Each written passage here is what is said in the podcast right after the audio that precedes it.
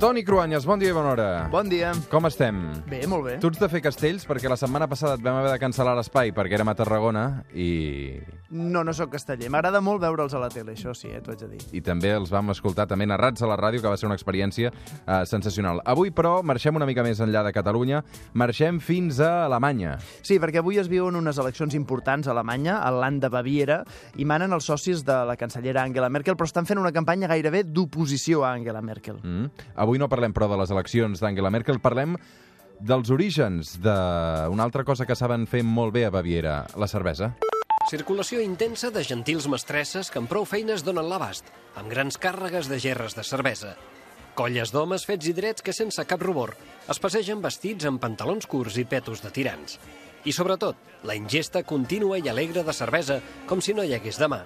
Són pistes inequívoques que ens indiquen on som, a Munic. I quina festa acaba de començar? L'Oktoberfest.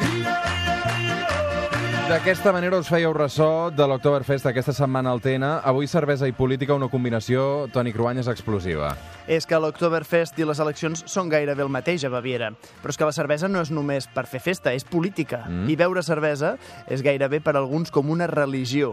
Beure-la amb amics és com assistir a la litúrgia de l'amistat. Però abans d'anar a Alemanya, comencem amb l'origen, amb el naixement de la cervesa.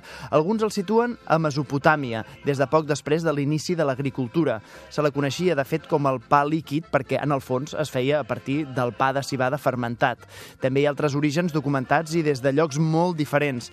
De quan els inques al Perú, les verges del sol eren les encarregades de preparar la cervesa de blat de moro per al seu déu, fent fermentar el gra amb la seva pròpia saliva, o els herois escandinaus morts, que per accedir al seu paradís, al Valhalla, abans bevien cervesa que treien de la caldera de les Valquíries.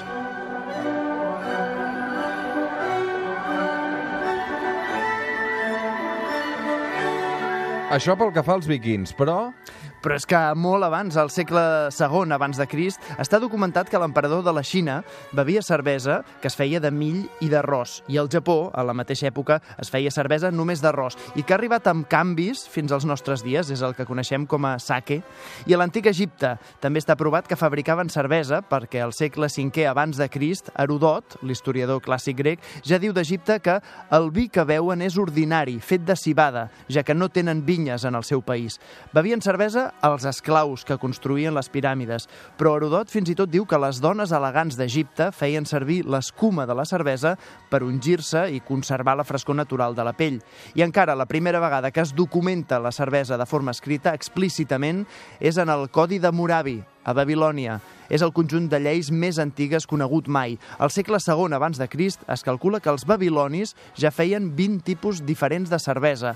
El rei Hammurabi, en el seu cèlebre codi legal, ja estableix que els taverners que enganyin amb el preu o amb la qualitat de la cervesa moriran ofegats. Pena de mort per ofegament als rius de Babilònia. by the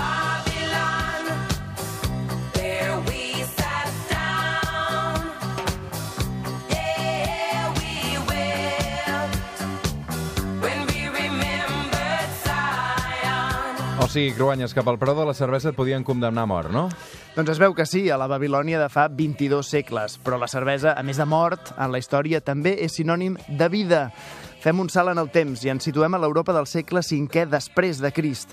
Igual que el vi, els monestirs van començar a ser els principals productors també de cervesa. Ordes com la benedictina van ser pioneres en la fabricació de cerveses. Algunes abadies de Bèlgica i d'Holanda encara mantenen fins avui el seu mètode d'elaboració de les anomenades cerveses trapistes.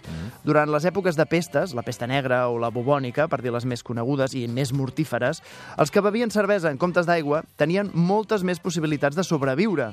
Per fer efectiva la fermentació, els monjos feien bullir l'aigua i, per tant, els gèrmens de l'aigua, que a les ciutats medieval estava infectadíssima, morien en les botes de fermentació. A banda d'això, durant la fam que va acompanyar aquestes pestes, l'alt contingut de cereals de la cervesa la convertien en un bon aliment. Per tant, molta gent va salvar-se de morir de gana gràcies a les propietats nutritives de la cervesa. Així els monjos, que no tenien un pèl de tontos, ni aleshores ni ara, amb la cervesa van trobar una gran fórmula per la vida i possiblement de disbauxa. Molt bé, amb tot això que m'estàs explicant no acabo d'entendre com ho connectaràs amb la política. Ja hi arribem. A veure. La, la veritat és que la tradició de beure cervesa a Baviera, on avui hi ha eleccions, ve de lluny. L'Oktoberfest data del 1810, amb motiu del príncep hereu del regne de Baviera, llavors independent, Lluís, que es va casar amb Teresa de Saxònia Hilburg-Harsen, Carai. una hereva molt rica d'una altra casa noble alemanya. S'hi va beure cervesa, perquè la voluntat era convidar a la gent del poble, no només els nobles. I la gent a Baviera bevia cervesa, i beu cervesa.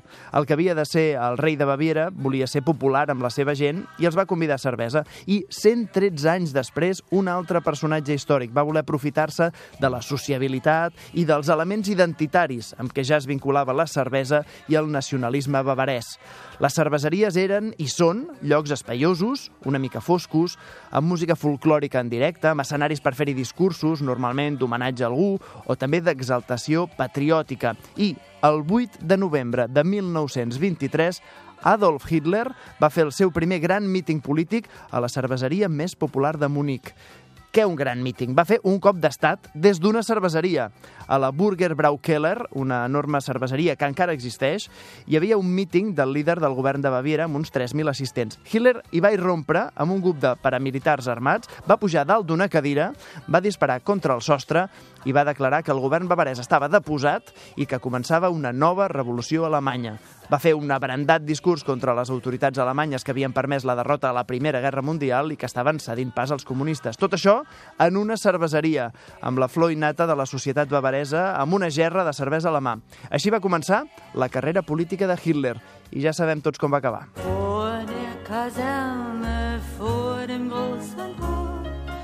Stand eine Laterne und steht.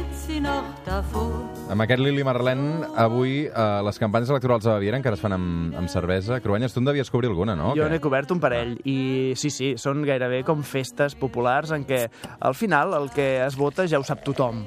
uh, però sobretot el que es fa és amistat. Les eleccions tant regionals com les nacionals a, a Alemanya, a Múnich, es celebren uh, en cerveseries i de fet des del 1970 guanya el mateix partit que s'identifica molt amb aquesta arrel muniquesa, amb aquesta arrel bavaresa i de fet allà eh, convoquen les eleccions coincidint amb l'Oktoberfest. És com si aquí les eleccions les fessin sempre el dia de Sant Jordi.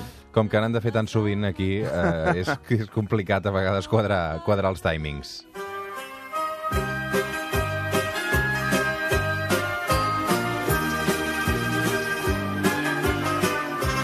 Amb aquesta discutible cançó típica de l'Octoberfest avui arribarem fins les 9 del matí. Cruanyes, moltes gràcies. Gràcies, me'n vaig a prendre una cervesa. Vinga, va, que salut, bon dia.